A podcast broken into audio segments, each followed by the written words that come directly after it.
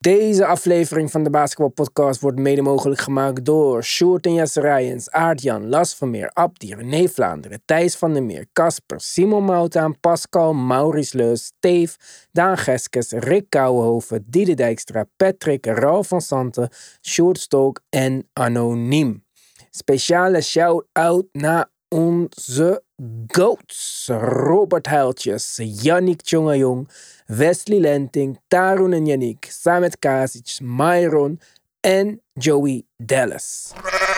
We zijn natuurlijk op Apple Podcast, ook op Spotify, op YouTube deze dagen.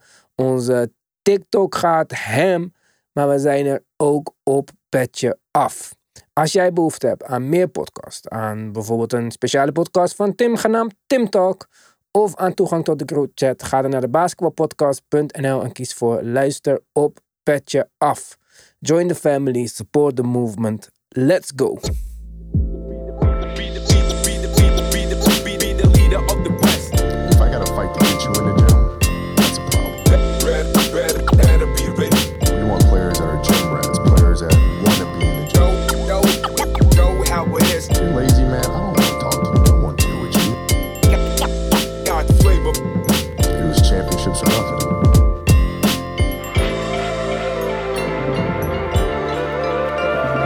Jawel, daar zijn we weer. Nieuwe week. En eh, groot, groot, groot nieuws, Tim. We beginnen met het allerbelangrijkste nieuws van deze week. Hij is Vertel. terug. Ja, Nummer 10. ja. Ben Simmons. Gaat vandaag voor het eerst spelen. Als jullie dit luisteren, heeft hij dat al gedaan. Waarschijnlijk 10 minuten of zo. Het zal één grote teleurstelling zijn geworden. Maar dat geeft niet. All-Star 2025. Als daar voor zijn voor afseason video's, ja. Dat vooral. Ja, ik vroeg jou laatst op eh, iMessage van... Denk jij dat hij ooit nog voor een periode van ongeveer drie seizoenen... eh 16, wat zei ik, 16, 8 en 8 was? wordt of 8 en zoiets? 8 geloof ja. ik. Ja. En toen zei je nee, nooit. Nee, omdat daarvoor enige mate van eh, consistentie nodig is. En dat is het probleem. Als je mij vraagt, kan hij eh, 16, 8 en 8 average? Dan is daarop een antwoord misschien niet eens per se direct nee. Maar als je dat vraagt, kan hij dat over een seizoen laat staan, meerdere seizoenen? Dan denk ik, ja, nee. Daar heb ik echt nul vertrouwen in op dit moment. Dus eh, nee, helaas is dat antwoord een duidelijk nee. Je stelt Jij denkt van wel? Ja, je stelt ten eerste Yannick en Caspian natuurlijk zwaar teleur. die die hopen dat Ben Simmons ja, toch het roer om gaat gooien daar eh, bij de Nets. En mij natuurlijk. Mijn, eh, Sorry. ik had nog maar één favoriete speler over deze dagen. Maar nu komt de andere Oh. terug. Ja, eh, Kawhi toch? Maar, Kawhi, ja precies. Ja. nou, Ben Simmons terug. Ik ga er gewoon van uit dat nu voor altijd zijn rugproblemen voorbij zijn. En dat hij dit seizoen nog kan gebruiken om terug in wedstrijdvorm te komen. Om dan vanaf aankomende zomer met een nieuwe coach. eh, dat ze kunnen werken aan een eh, systeem om eh, Ben Simmons heen. Dit is mijn nummer Ja. 1 wens. Maar goed. Ik zei net voor de grap All-Star 2025. eh, All-Star 2024 komt eraan. De starters zijn bekendgemaakt. Eh, in de NBA werkt het zo dat de fanstemmen tellen voor 50%. De stemmen van de media en de spelers tellen elk respectievelijk voor 25% mee. En dan heb je nog zeven reserves voor elke conference. En eh, die worden trouwens op 1 februari aangekondigd. En die worden geselecteerd door de coaches. Dus eh, de starters in het westen, LeBron James, Jokic en Durant in het frontcourt. En in de backcourt Doncic en Shea. En in het oosten zijn het Giannis, Tatum en Beat. Met in het backcourt Halliburton en Damian Lillard. En eh, daar zien we al gelijk hoe het een beetje anders kan zijn tussen fans en media en spelers. Eh, in het, in het eh, westen, in de backcourt, starten dus Luca en Shea. Eerste keer dat eh, niet start sinds 2014. Ja, in het geval van dat hij fit is, wat hij dit jaar is. De fans hadden hem wel als de tweede guard in het westen. Maar de spelers en de media niet. De spelers hadden hem op de derde plek en de media op de vierde plek. Dat was eh, ja, het, eerste slachtoffer van eh, de expert eh, voting result, zeg maar. Ja. En een ander slachtoffer bijvoorbeeld op een andere manier was Alperen Şengün. Die door de fans op de vijfde plek werd gestemd in het westen, in het frontcourt. Maar door de media en de spelers op een elfde plek werd gezet. Oef. Ja, dat is wel pijnlijk. Het is een heel, een heel groot verschil. Ja. In het oosten hadden we ook een grappige. Want daar hadden we Trae Young op de tweede plek. Zou je dus denken, nou, die gaat het wel halen. Maar eh, daar waren de media en de spelers het niet mee eens. Tyrese en eh, Damian Lillard starten. Jalen Brunson staat gelijk met Damian Lillard als we de totale quota eh, bekijken. Alleen omdat Damian Lillard weer hoger staat dan in de fanranking, mag die gaan starten. Dus dan bepaalt het fangedeelte als uiteindelijk nog steeds wie er gaat starten. Maar ehm, daar werd dus Trae Young door de fans eh, naar de tweede plek gestemd. Media en spelers zagen hem niet hoger als de zesde plek. En bij Tyrese Maxey is het andersom. Fans zagen hem als zesde. Spelers hebben hem als tweede gestemd in het oosten. ja, kun je nagaan. Ja. Ja, en ehm, kijk, het is natuurlijk een eh, thuiswedstrijd voor Tyrese Halliburton, die meer stemmen kreeg dan Stephen Curry. Wat mij nog steeds een beetje verbaast. Ik, ik kan er niet echt overheen komen hoe snel en met hoe weinig tegenstand hij van ik ga nu starten en mijn eigen team leiden tot binnen twee jaar superster. Hij hoeft niks te doen in de playoffs. Het is gewoon, hij, hij is al daar.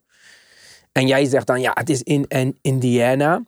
Ik denk eerlijk gezegd niet dat dat zoveel meespeelt. Hij is gewoon eh, heel snel heel populair geworden. Ik denk ook dat het in-season tournament daarvoor alleen niet genoeg is. Ik, ik, ja, ik weet niet. Ik, ik denk gewoon niet... eh, het feit dat een Tyrese Maxey en Jalen Brunson dus... ehm, ja, misschien wel in de categorie grootste snaps vallen daardoor.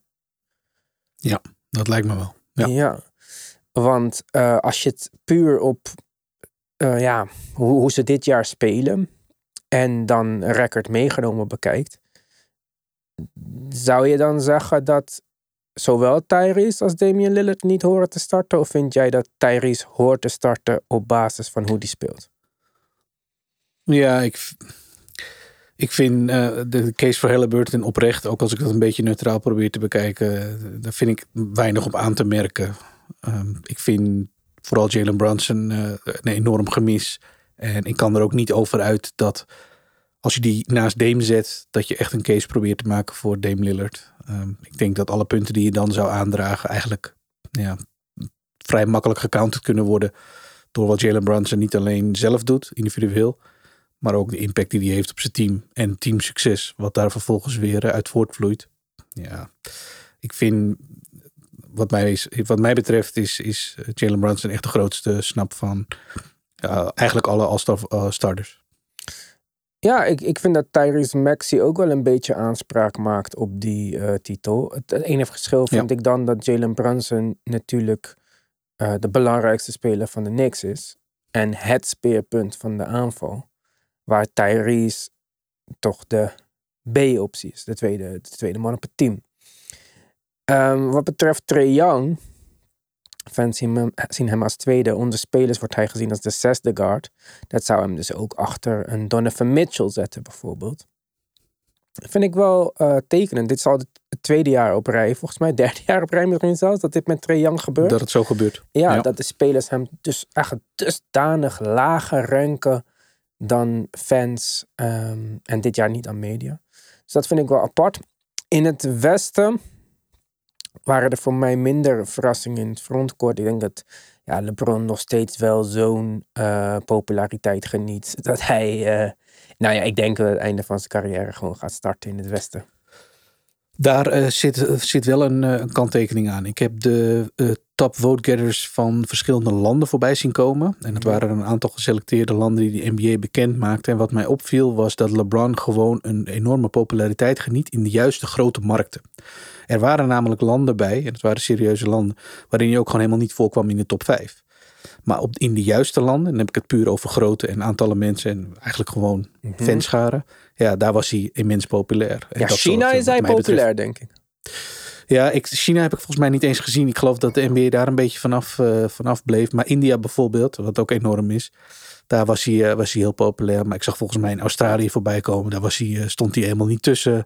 Engeland stond hij helemaal niet tussen. Ja, er zijn zat eh, landen. Dus ik denk, dat hij, ik denk dat hij op de juiste plekken de juiste fanschade heeft. En dat boost zijn, de aantallen heel erg, heb ik het idee. Maar ik denk wel dat het niet langer zo is dat LeBron, laten we zeggen, across the board eh, overal standaard in de top 3 staat of zo. Want dat, die tijd is wel echt voorbij, denk ik.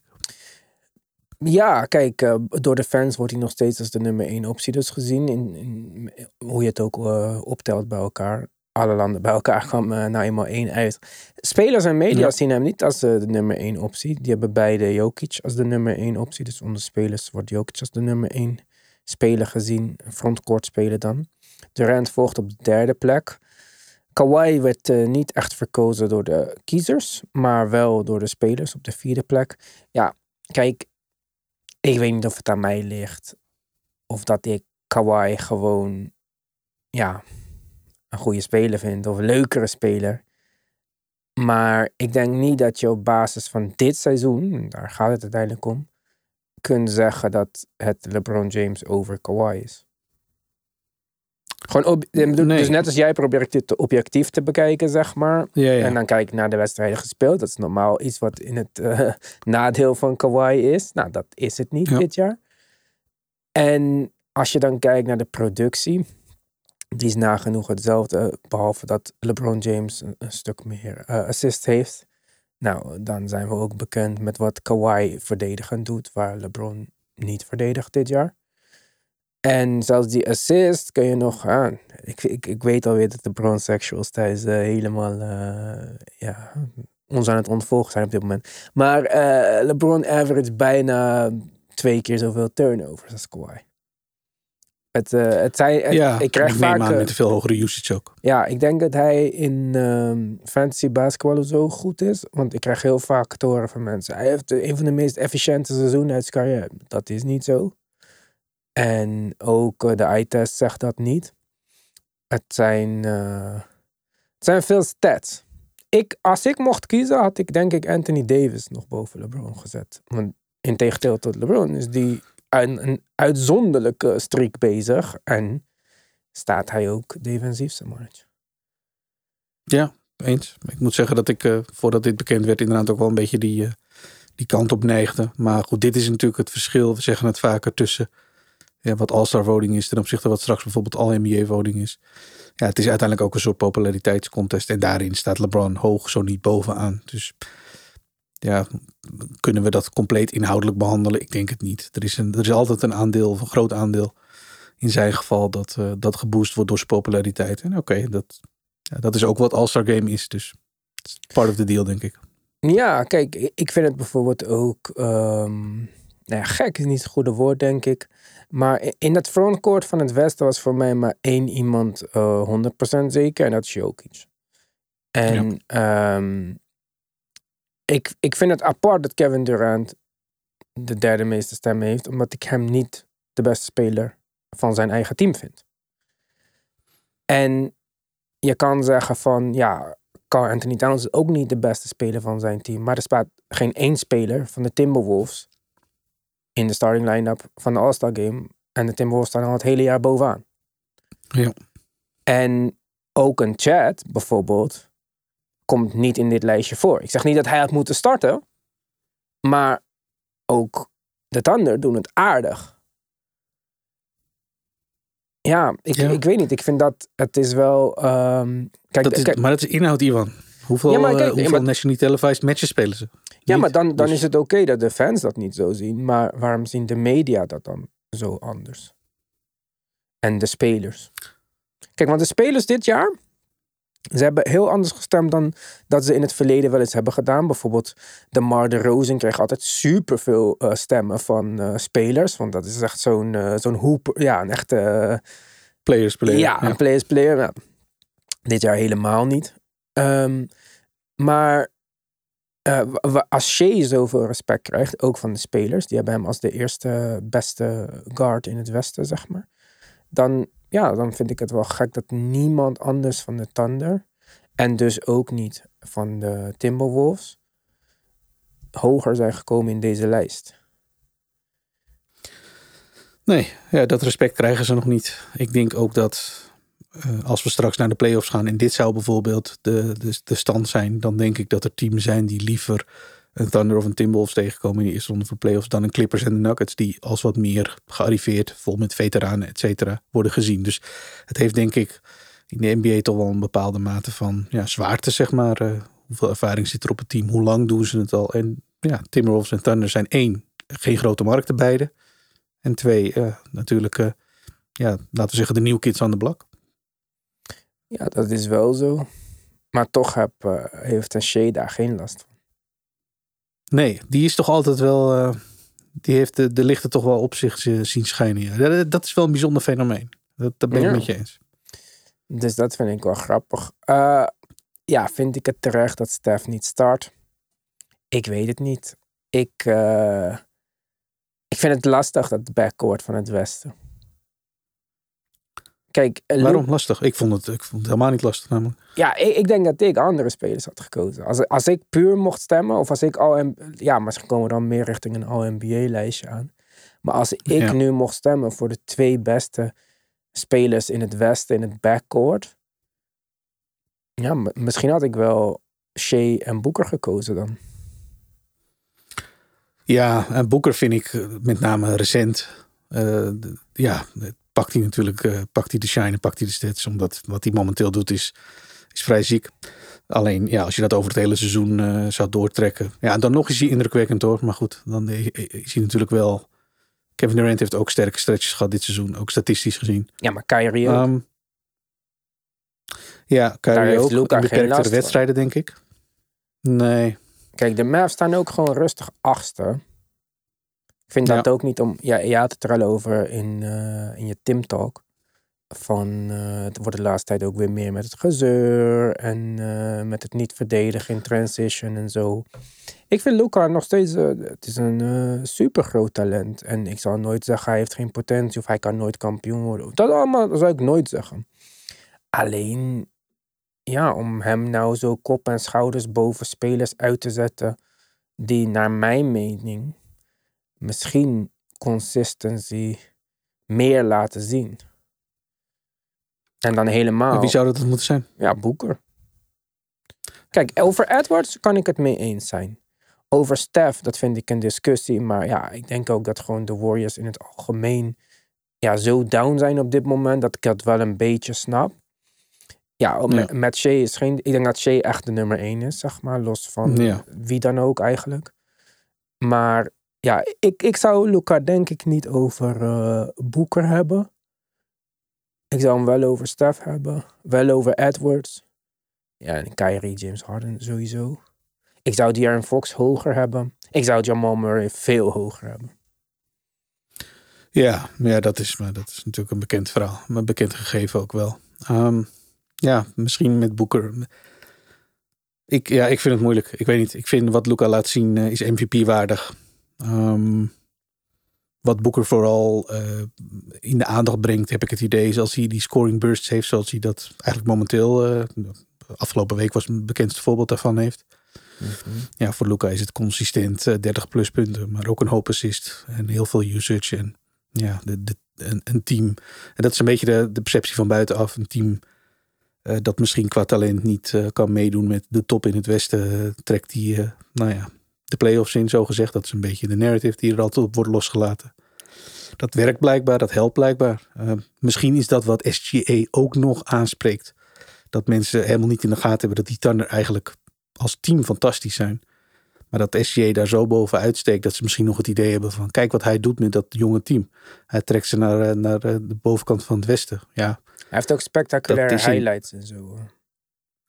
Ja het is wel, het, het is wel een, een, echt een hele leuke speler om te zien. En een unieke speler ook. Die SGA pik je er eh, eh, in 1 op de 100 zo tussenuit. Omdat die, ja, die is echt heel authentiek. Dus dat helpt. Alleen ja, misschien... Nu is hij heel authentiek. wat- Als het eh, twintig jaar geleden was, dan was het niet zo authentiek. Klopt, dat is waar. Ja, ja. en dat vind ik van Boeker soms ook. Die kan ook heel tijdloos basketbal spelen. Ja, ik zag Eh, Boeker maar- gisteren. Ze verloren dan Ja. weliswaar. Maar deze man gaat gewoon om double teams heen. Om vervolgens een contested twee te nemen ten hoogte van de baseline, half over het bord heen. En het is geen enk, het is niet eens in de buurt van een slecht schot. Nee, het is wat, wat hij laat zien. Maar we hebben dit vaker benoemd. Eh, op elk deel van het veld inmiddels. Ja, het, is bijna niet te stoppen. Ik zag de, eh, ik heb de hele wedstrijd niet gezien, maar ik zag een, een clip van Jonathan Isaac die hem dan wel eh, wist te stoppen. Maar dat is Jonathan Isaac. Maar los daarvan, Boeker gaat los. En ehm, ik heb dit benoemd. eh, tegen de Pacers was het niet anders. Werd hij weliswaar eh, verschrikkelijk goed verdedigd. En goed tussen aanhalingstekens, want ja, de man scoort, ik geloof 45 punten of zo. Ja, dat geeft aan hoe goed je bent. Maar waarom is hij niet populair dan? Want zeg maar, ik weet niet. Ja, hij, had, hij had iets irritants. Dat, dat vond ik ook. Want toen, hè, die Ja. hele periode tot en met die 70 punten en zo. Ik had niks met boeken. Maar toen in de babbel, die, die run die ze maakten, waar ze nog hè, bijna, bijna verder gingen. Toen dacht ik van, nou, we hebben toch iets laten zien. En dan zit je bij mij altijd nog een beetje in de wachtkamer. Totdat je dat een heel seizoen en nog een playoffs kan laten zien. Maar vanaf dat Ja. moment heeft Boeker toch eigenlijk. Ja, ik, heb, ik kan niet een moment herinneren dat ik denk: oh ja, hij, hij heeft even een stapje teruggenomen of zo. Nee. In afwezigheid van Chris Paul werd hij opeens een eh, hele goede balhandler. Toen werd hij opeens point guard. Oké, dat is ook weer een beetje overdreven. Zelfs met een KD in je team, dat, jij, dat het nog de bedoeling is dat jij de point guard wordt, gaat hij niet erop achteruit qua scoring. Ik, ik weet niet zo goed wat hij niet doet, of wat mensen niet goed, of wat mensen niet aanspreekt aan hem, zeg maar. Kijk, bijvoorbeeld Victor vindt eh, Devin Booker ook irritant, zeg maar. Ik weet eigenlijk niet zo goed waarom. Of tenminste, ik weet niet of je daar een specifieke reden voor hebt. Of dat het gewoon, ja, je kan soms gewoon iemand niet, eh, iemand kan je soms zo niet zo aanspreken. Maar dat zoveel mensen, of zoveel mensen, ja, toch best wel veel mensen als je kijkt naar de stemmen. Hij staat achtste in de fanvoting in guards in het westen. Hij is denk ik de beste shooting guard in de NBA. ja het Op verschil Shea is in ieder geval heel groot. Ja, hij en Shea, maar Ja. Ja, en kijk, en zelfs als je daarvan zegt van nou, dat, dat vind ik wel een tandje minder voor mij, is hij niet de beste. Dan nog is het verschil tussen wat de voting laat zien en wat hij is momenteel, eh, momenteel al een tijdje, is vrij groot. Ik weet ook niet zo goed waar het vandaan komt. Het enige wat ik me zou kunnen bedenken is dat, het, ja, dat die narrative of die perceptie nog een beetje is blijven hangen in de fase van eh Boekers carrière. Die uiteindelijk toch wel even heeft geduurd, waarin ja, het een beetje als empty werd gezien en veel met zichzelf bezig. En de resultaten waren er niet naar. En ja, ondanks dat hij sindsdien zoveel constant goed basketbal heeft laten zien.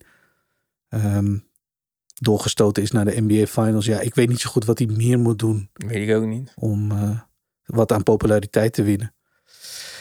Ja, ik weet het niet. Misschien is die voting toch een beetje vastgeroest in ehm, ja, fanbases fandom die eh, gewoon ja, van tevoren hun picks al een beetje klaar hebben en zich niet heel snel laten beïnvloeden of eh, laten we zeggen updaten van hoe zij de NBA zien en wie ze eh, de, de sterren zien. Ja, ik, eh, ik vond het wel apart. In het oosten, behalve Jalen Brunson, denk ik dat je sowieso met de starters in het frontcourt. Dit- Dit is een regular season uitverkiezing. Ja, dan kan je gewoon niet om Embiid en Giannis heen. Sowieso niet. Nou, en Tatum ook niet Nee. natuurlijk. Is de, eerste, eh, de beste speler op het beste team in het oosten. Ik, ik vond degene die daarna kwamen, ja, zou ik daar niet eh, hebben staan. Jalen Brown en Paulo Banquero. Jimmy, die alleen nog door de fanrank daar staat, want die krijgt van de spelers en de media een achtste plek, terwijl Bam van de spelers de vijfde plek krijgt. Snap ik helemaal. ja, niet. maar Jimmy draait ook. Ja, maar Jimmy draait geen fantastisch seizoen. Dus Ja, maar je wel. zou, als we het dan toch hebben over. Ja, we hebben het meer over. Jij zei net van. Er zit ingebakken ja. dingetjes. Dus dan, hoezo stem je niet gewoon op Jimmy Butler? Fair enough. En eh, ik vind bijvoorbeeld dat Porzingis belangrijker is voor wat Boston dit jaar doet dan Jalen Brown. Om maar even Dat wat te zeggen. ook. Ik vind Derek White geen All-Star. Ik denk niet dat hij. Ja, hij is de vierde speler op een team. Hij is, hij is gewoon een hele goede roleplayer. Maar hij zou niet starten op 15 van de 30 teams in de NBA. En dan zeg ik het nog mailtjes. Nou, da- dat zie ik al wel anders. Ik denk dat meer het punt rondom Derek White is geweest. Kijk wat een, een jongen die eh, ja, stelselmatig misschien wel underrated wordt, doet qua impact op eh, het beste team in het oosten. En dan krijg je een soort groepje mensen die meer aandacht wil voor wat hij doet en wat hij presteert, wat hij brengt. Mhm. Namelijk, hij is echt hij impact winning basketbal. En dat wordt dan in een vorm gegoten als hij moet All-Star worden. Ja, Ja, we maar weten natuurlijk allemaal dat dat niet direct eh, de, de resu- het, het Ja, maar- resultaat moet zijn. ja, ik, ik vind Nee. All-Star, dat is, ga, hij is geen ster. Dus Nee, Kijk, nee, hij is nee, gewoon- Dat heeft niks met sterdom te maken. ja, je kan, het, en dat betekent niet dat je, dat je niet onmisbaar bent. Hij is net zo onmisbaar als dat Aaron Gordon dat is bij de Nuggets. Ja. En, maar dat, ja, dat betekent niet voor mij dat je een all-star bent, zeg maar. Nee, zeker niet. Kijk, Aaron van- Gordon is ook geen All-Star. Hè? Nee, daarom. Die, die komt er niet eens in voor. En eh, van dit Drew Holiday trouwens voor mij dit jaar ook geen all-star. En Nee. eh, van dit hele lijstje is, is alleen Tyrese Maxey, nou eigenlijk ook Damian Lillard, maar dat is dan bij Dame voor het eerst dit jaar, niet de beste speler op zijn team. Of niet de nummer één optie op zijn team. En ah, ik vind dat als een team twee all-stars heeft, dan zou dat echt moeten gaan om het beste team in de NBA. En dan moeten dat ook echt twee sterren zijn, zeg maar. Kijk, dat Wayne Wade Eh, ja, en LeBron basis- samen all-star zijn, ala, dat, Ja. dat is nog eh, tot daar aan toe. Zelfs Davis en LeBron vind ik nog tot daar aan toe. Maar ehm, ja, ik, ik vond het wel hoe, vooral ook hoe de, hoe de media dan stemt. Ik vind eigenlijk dat dat helemaal niet eh, moet meetellen. Ik, ik vind ten eerste dat dit is een fancompetitie. En als de fans Trae Young kiezen, dan vind ik niet dat de media daar een stokje voor mag steken. Wie de fuck ben jij? Jij moet juist doen wat de fans willen, zeg maar. Dus ik zou ervoor advocaten om fans en advanced stats of zo te doen. Win shares of eh, zoiets dergelijks. Dus de fans kiezen voor, ehm, de fans kiezen voor 50%. Misschien mogen zelfs de spelers ook nog meestemmen. Want dat is ook, vind ik, interessant om te zien voor ons. Wat, hoe de spelers over andere spelers denken. Ja, maar die nemen het ook niet altijd serieus. hè. Ja, snap ik. Ja, snap stemmen, ik. Steven. Adams en Ja Morant. en Ja. zo, dat snap ik. Maar toch is het altijd bijvoorbeeld het gegeven dat de spelers Trae Young niet zo hoog hebben zitten. En dit jaar ook Julius Randle niet. Dat, dat vind ik interessante eh, dingen, zeg maar.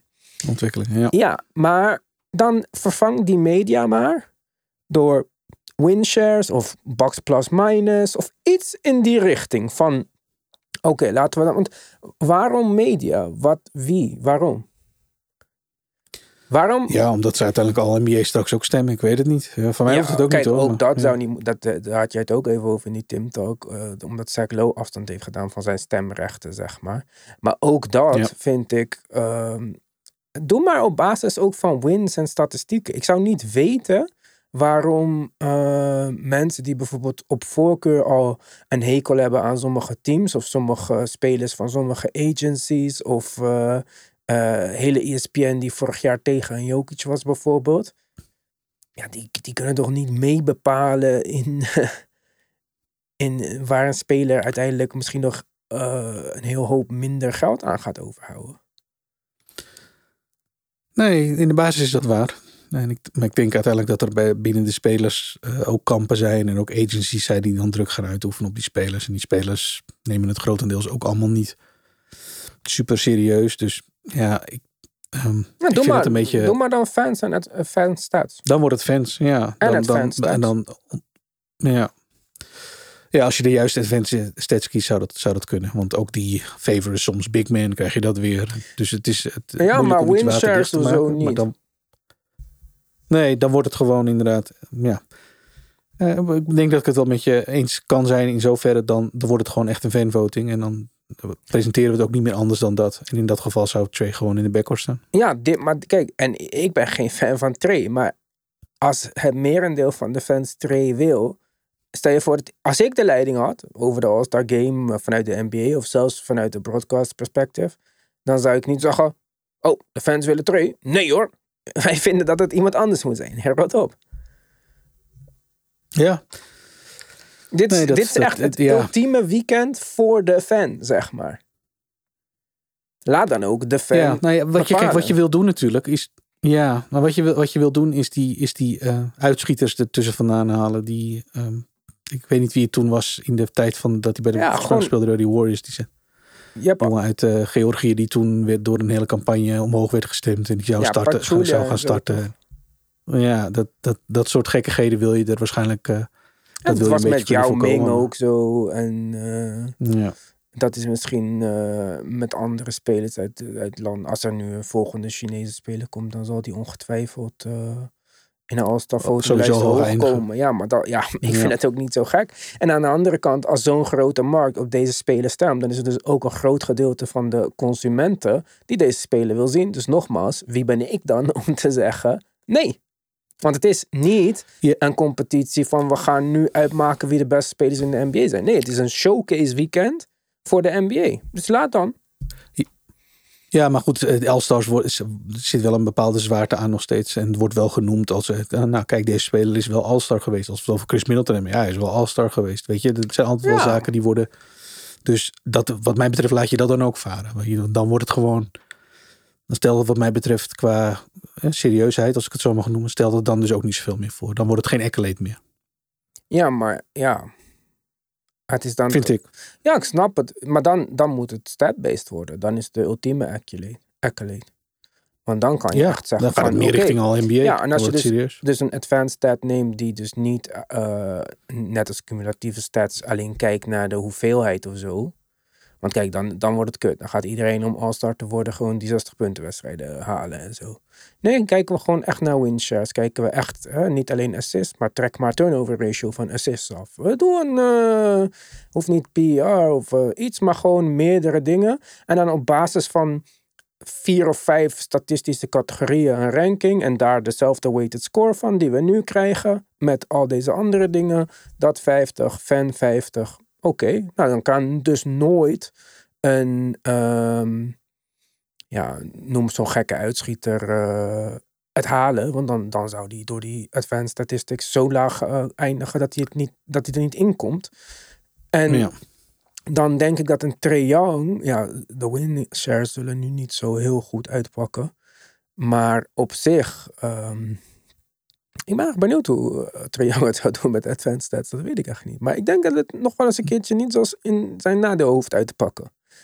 Nee, klopt. Ik denk dat hij eh, voor een heel groot deel eh, kan- dat hem, zal het hem in ieder geval niet, tegen, niet heel erg tegenwerken. Nee.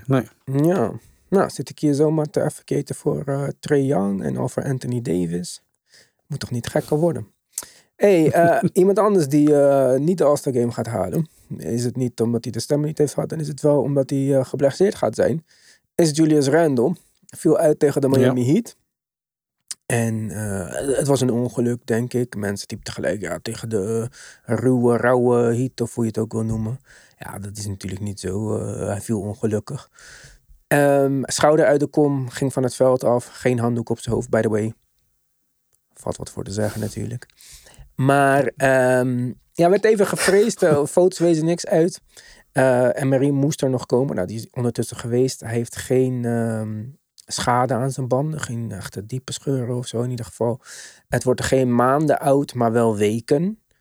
En ehm, ja, dat zie ik als een eh, heel groot probleem omdat de Knicks eh Obi Toppin hebben getraind afgelopen zomer. En daarvoor terug geen andere vier hebben gehaald. En nu hebben ze net Ananobi erbij, die ehm, blijkbaar vier gaat spelen. Met Josh Hart op de drie. Ja. Ja, eh, Josh Hart kan iets wat van het eh rebounden eh, oplossen wat Randall achterlaat het gat. Maar hè, we hebben natuurlijk Barrett getraind, Quickly getraind. Ik zei het al eerder. Dan heb je 35 punten vervangen met 15. En nu vallen er nog 25 uit. En Josh Hart average 6 punten. Dus we hebben nu 21 punten die in totaal eh 60 moeten oplossen. Dus dat is wel een, eh, wordt een eh, mooi puzzelstukje voor eh, tips. Een dingetje. Ja, Ja. dit is niet iets wat hij kan oplossen met een eh Taj Gibson of een. eh, en ik, ik denk simpelweg niet dat er nog een. de- ja, misschien is er nog een level van Jalen Brunson als hij nog meer de vrije hand krijgt, zeg maar. Maar Zoals nu. ja, maar er, om nou echt te zeggen van nou, we gaan even leunen op Jalen Brunson voor 45 punten per wedstrijd de komende zes weken. Ik denk dat dat gewoon niet zo realistisch is. Dus Nee, in ieder geval geen oplossing. Nee. ja, dus er, er is simpelweg niemand. Er is zelfs in mijn eh, hoogste inschatting van Quentin Grimes zou dat niet nu een probleem oplossen, zeg maar. En dat, dat vind ik wel jammer. Want met de trade-lijn eh, in het zicht hoopte ik op een backup balhandler. En we hebben het er al wat vaker over gehad, maar de Knicks hebben in principe nog maar één groot contract om te treden. Dat is het Fournier-contract van 18 miljoen. Nou, dan zit je al in een beperkte markt natuurlijk. Maar ehm, ja, helemaal nu je daar misschien twee andere spelers voor terug moet halen. En niet één. En je kan bijvoorbeeld ook alweer niet een Kuzma halen. Want wat gaan we dan doen als Randall terugkomt en die weer 40 minuten gaat spelen in de playoffs? Dan zit je met superdure spelen op je bank die niet echt gaan spelen toekomt. En dan heb je nog steeds geen backup balhandler gehaald. Dus het wordt een eh, combinatie van twee wat mindere goden. Al hebben de niks nog wel een exception van 7 miljoen. Of 8 miljoen. En daar past eh Miles, eh, of van Miles, hoe heet die? Miles Bridges Miles Bridges? perfect in. Dus ik ben natuurlijk groot voorvechter van vrouwenrechten, maar eh, mogen we er iets eh, krijgen bij de Knicks? Eh, Ja. En dan is Miles Bridges eh, re- realistisch en gaat wel zorgen voor de boost die je waarschijnlijk zoekt. En die niet heel veel spelers die momenteel beschikbaar zijn kunnen brengen. Want Miles Bridges average gewoon weer 20 punten per wedstrijd bij Charlotte dus. ja, kijk, ik weet niet hoe realistisch het dan is om hem volgend jaar op het Knicks roster te houden. Maar hij ja, tikt alle boxes op wat de Knicks nu nodig hebben. Ehm, ze, ze zitten niet zo dik in de wat langer dan 6'3, 6'5 range spelers. Past in een heel specifiek budget wat ze hebben. Ja, het zou heel mooi zijn. Ja, om een, om een aantal redenen. En een daarvan noemde je net al. Is je legt jezelf niet vast op lange termijn geld. Dat zullen ze denk ik ook niet willen. Ja, vinden Dus ze oké, m- mits het een speler is die eh, trade value heeft aankomende zomer, als ze dan mogelijk contracten zouden kunnen eh, samenvoegen om die ster te halen. Die er al jaren aankomt. Ja, ja dat, wordt, eh, dat wordt in zijn geval een kwestie van timing. Want in principe is hij natuurlijk gewoon ja, free agent. Dus, en ik neem aan dat ze hem niet, niet willen betalen. Dus dan, Ik weet niet ja, wat hij gaat hem op een krijgen. rental. Dat is inderdaad een beetje moeilijk te zeggen, ja. Ik denk wel dat er een markt aan, aan het ontstaan is voor hem. Eh, helemaal als je ziet hoe die uiteindelijk teruggekomen is. Even los van de afkortstaf, wat we al vaak genoeg besproken hebben. Ja. Eh, vind ik het eh, van een afstandje. Nou, op zijn minst opvallend hoe ogenschijnlijk gemakkelijk hij gewoon weer. Ik Nou, ook, omdat hij ook een jaar 20 niet had gespeeld. Ja, ja. Dus dat vind ik wel veelzeggend en bemoedigend voor hem. Tegelijkertijd weet je dat hij natuurlijk eh, aan het spelen is voor zijn volgende contract. Dus als je een gemotiveerde speler eh, wil zien, dan moet je naar Miles Bridges kijken. Wat er ook om hem heen gebeurt. Hij zal, eh, hij zal hard spelen. Dus ja, ik vind dat een, een ja, je zou bijna zeggen, gezien de situatie, match made in heaven voor, voor de niks. Want ik denk niet dat er veel andere alternatieven daadwerkelijk beschikbaar zijn. Ehm, ja, die kunnen brengen wat hij brengt. Eh, al is het maar qua productie. Dus ja. Denk ik ook. En kijk, we hebben een wing nodig of een big en een uh, balhandler. Ik zeg, gooi die wife-beater combo en eh, trade voor Miles Bridges en sign Kevin Porter Jr. Just beat the Chargers. die wordt ook weer reinstated. Dus eh, dan heb je ze allebei. En eh, Tips houdt ze wel onder controle. Papa Brunson is er ook nog. Dus eh, wie weet. Ja. ja, over Bridges, eh, dat geloof ik wel. Kevin Porter, ja. Hm, Hey. ja. Hij heeft geschikt. Not guilty. Het, eh, het, het lijkt erop dat hij, daarmee, eh, dat hij er daarmee vanaf komt, ja. Als ik Prins Andrew en Bill Clinton ermee wegkomen, dan moeten we Kevin Porter Jr. ook het voordeel van de twijfel geven.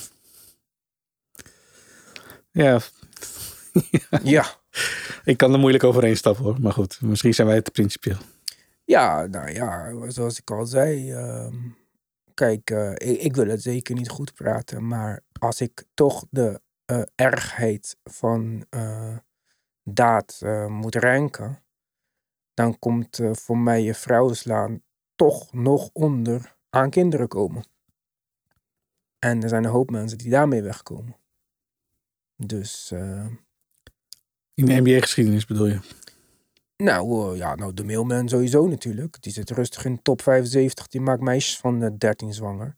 Maar volgens mij hebben we in de normale media ook gewoon een hoop eh, met die Epstein-lijsten en eh, weet ik veel hoeveel. eh, ja, kijk, eh, ik weet er ook niks van. Maar je kan moeilijk eh, zeggen dat als je 40 keer op het Epstein-eiland bent geweest, dat je daar was eh, om lekker te ontspannen en te genieten van de kokosnoten of zo. Dat, ja, ja, dat is moeilijk verhaal. zeggen waar rook is, waar Maar is, is vuur. Maar eh, hier is geen vuur, hier zijn explosies. Maar in ieder geval, genoeg over dit. Eh, ik zat de Magic te kijken tegen de Suns. Die hielden de Suns eh, volgens mij voor de eerste keer dit jaar eh, onder de 100 punten of zo. Of, eh, het, was, het was een stat iets met weinig scoren van de Suns. Magic verdedigen keihard. Eh, ik, ik vind die line-up met Fultz, Isaac, Suggs, Bankero en Wendell Carter Jr. zag er playoff ready uit, eh, zou ik bijna zeggen.